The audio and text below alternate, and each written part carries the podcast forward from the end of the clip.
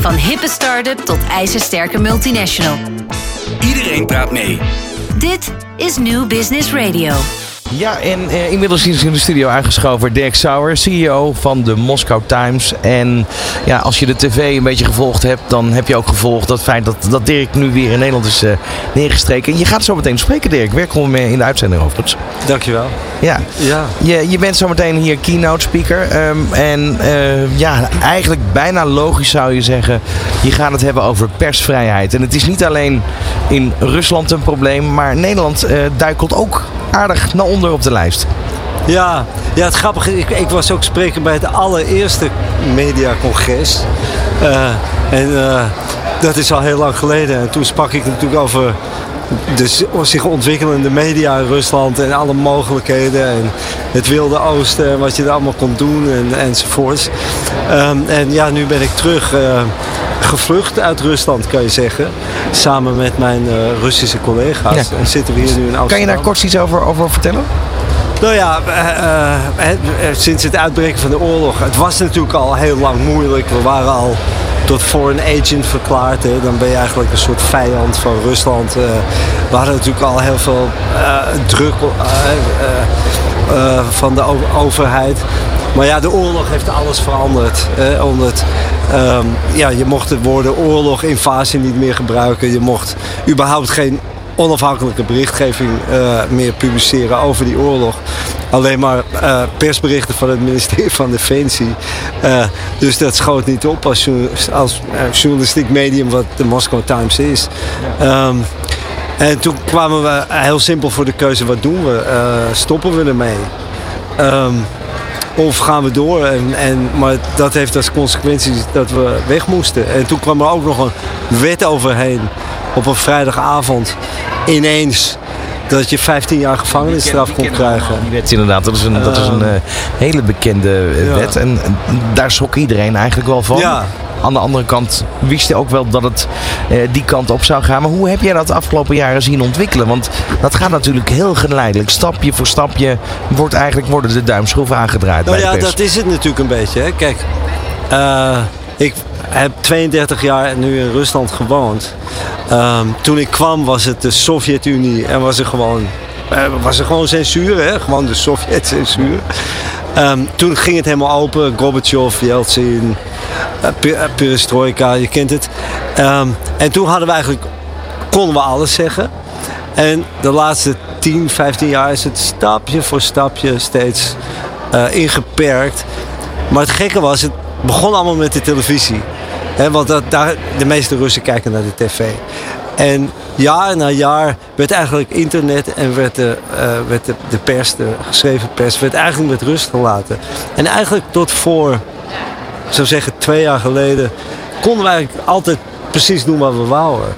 Eh, dus de, de, de televisie was volledig gelijkgeschakeld. Dat was helemaal onder staatscontrole. Maar, maar voor de rest had je toch, als je gewoon eh, eh, internet volgde of, of de kranten kocht of, of tijdschriften las. Eigenlijk was er heel weinig aan de hand. Wat doet dat met jouw journalistieke hart? Wat er nu gebeurt? Nou ja, dat is natuurlijk eh, dat is verschrikkelijk. Want ik, ik ben een van de mede-grondleggers van de onafhankelijke journalistiek zoals wij die kennen in Rusland. Ik heb eh, heel veel nieuwe titels en, en, en kranten en, en internetsites en, en zo opgericht. Ja, en eh, kijk, ik begon met een, een kamertje met 10 man in Moskou, 32 jaar geleden. Daarna runde ik een bedrijf eh, het laatste bedrijf wat ik runde, een groot Russisch mediabedrijf, had meer dan 2000 werknemers. En nu zit ik met 10 man hier op een, eh, een kantoortje bij de DPG in Amsterdam. Eh, ja, Is dat dan ook wel weer, nou ja, los van het, de schrijnende situatie, ook wel weer mooi? Hoort dat ook bij gewoon het ondernemerschap? Ja, dat je dan weer nieuwe invalshoeken moet vinden? Nou ja, je moet jezelf natuurlijk voortdurend eh, heruitvinden. En ook, ja, het is, het is gewoon raar, weet je wel. Ja. Kijk, ik heb jarenlang heel, hele grote mediabedrijven geleid. Ehm, en eh, Maar voelt het als een defeat of een, even heel onaardig gezegd, een afgang? Of, of, nee, het is natuurlijk geen afgang, want het is geheel buiten onze schuld Ja. om. Ja. Hè? Het is gewoon de, de omstandigheden. Ehm, maar eh, het, het toont wel de, eh, ja, de relativiteit van dingen aan. Ineens kom je voor hele andere vraagstukken te staan. Van leven en dood. Wij moesten op die vrijdagavond met, onze, met ons team beslissen... gaan we weg of niet? Uh, mensen moesten hun kinderen achterlaten. Mensen moesten hun leven opgeven. Uh, voor mij was het natuurlijk ja, ook heel vervelend. Want ik mijn huis en, en mijn familie en mijn kinderen uh, woonden daar. Um, maar voor die Russen is het natuurlijk nog veel en veel ingrijpender. Um, die gooiden een hele leven weg. Ja. En dan moet je in een split second. Echt, in, echt ik heb toen gezegd, het was een vrijdagavond. Dus je kan er één nacht over slapen. En dan moeten we echt beslissen wat we gaan doen. Ja, dat zijn dingen waar je helemaal. Dat, dat ik ooit in zo'n situatie beland zou. Dat heb ik nooit aan gedaan. Is, is daar in de afgelopen jaren nooit een signaal geweest dat je dacht van nou de ware aard van het regime van Poetin komt nog wel een keer naar boven?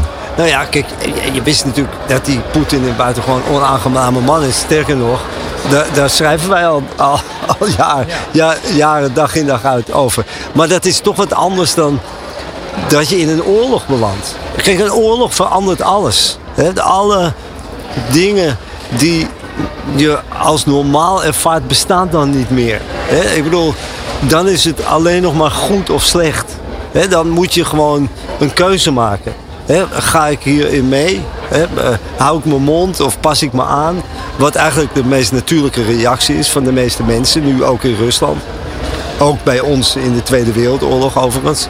Ehm, of je zegt van nee, hier ga ik niet in mee. Goed is goed en fout is fout. En dat zeg ik hardop. Komt er een moment dat je teruggaat? Ik kan alleen maar zeggen dat hoop ik. Dirk, hoe, hoe vrij kun je hier vanuit Nederland opereren met je berichtgeving over Rusland? Dan kun je het wordt met Word je in de gaten houden? Of, hoe werkt dat? Ja, kijk, wij weten natuurlijk niet precies in hoeverre wij in de gaten. Wij worden natuurlijk gevolgd, want wij zijn een, onze, onze Russisch-talige. We hebben twee websites: de Engelse website, Russisch-talige website. Die is geblokkeerd in Rusland. Wij zijn een foreign agent. Uh, nou ja, oh. dus we liggen onder het vergrootglas. En bovendien werken wij heel nauw samen met andere Russische independent media. Die nu ook naar Amsterdam komen. Amsterdam groeit uit tot een soort hub van onafhankelijke journalistiek. Dus ja, dat volgen ze natuurlijk met argusogen. Dus jouw lezers zijn uh, expats vanuit Rusland gezien en, ander, en, en de rest van de wereld? Nee, kijk, kijk, onze Russische site is voor een Russisch publiek. Uh, en wordt in Rusland gelezen. Het enige probleem is, de Russische autoriteiten hebben nu alle onafhankelijke sites geblokkeerd. Dus je kan alleen nog maar via VPN's uh, kan je die sites lezen in Rusland. Maar we hebben nog steeds miljoenen lezers. Oh. Um, uh, maar nu zijn deze week de Russen begonnen met het blokkeren van die VPN's. Dus wij zitten in een soort. Het is een soort uh, spel van kat en muis. Hè? Dan moeten we weer. Hè, nu via Telegram. Hè. We hebben nu een, een heel actief Telegram channel.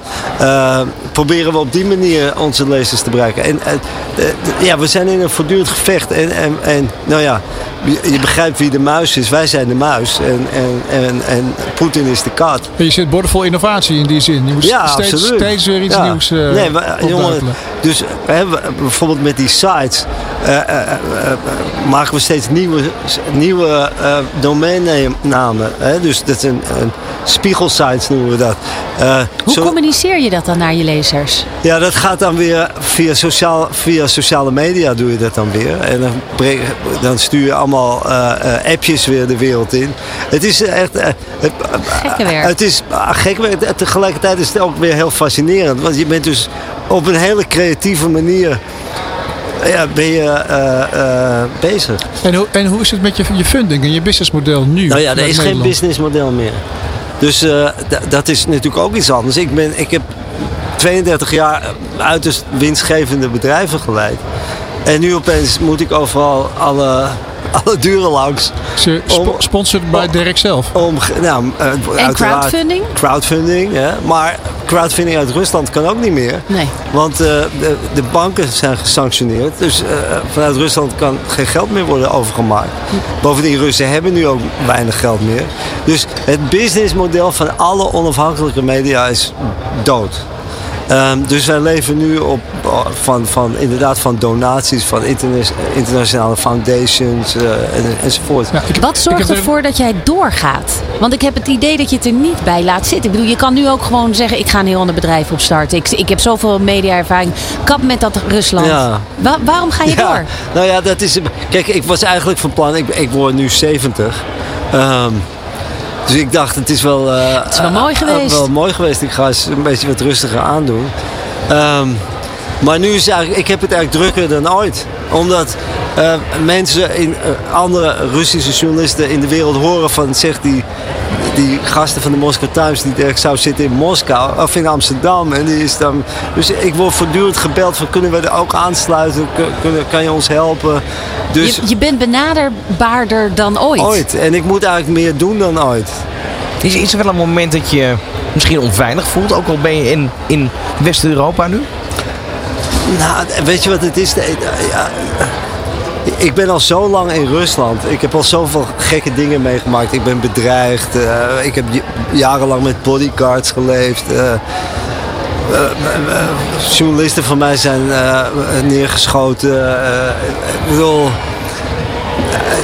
alles wint. Ik, ik wou nog even toevoegen, ik heb een beetje een dubbel gevoel over. Dus het is natuurlijk een heftig verhaal, maar ik, ja, ik vind het ook wel heel erg fascinerend. Eh, en ik, ik vind je ook wel strijdbaar en heel dynamisch. En ik vind, ja, Zeker. we zijn wel getuigen van iets wat heel erg urgent, wat heel erg nu is. En eh, ja, nogmaals, eh, fantastisch dat je op het congres bent. Dankjewel. Dankjewel. Graag gedaan. Ja, je gaat. eh, en ik wil nog een laatste vraag, want je gaat zo eh, het podium op. Wat, eh, wat is de belangrijkste boodschap? Weet je, ik begin al zo'n speech. Ik heb nooit een speech. Heb je niet voorbereid? Nee. Echt waar? Ja, ik oh, hoe werkt dat bij jou? Dat vind ik interessant. Wat ga je zeggen dan? Nou, ik heb geen idee nog. Ik bedoel, dat, dat gaat allemaal vanzelf. Je Als ik daar eenmaal sta, dan... eh, Fantastisch. Er zit zoveel in jouw hoofd. Er komt vanzelf wat uit. Zo is het. Heel fijn dat je hier even wilde spreken. Oké. Succes Dankjewel. straks. Van hippe start-up tot ijzersterke multinational. Iedereen praat mee. Dit is New Business Radio.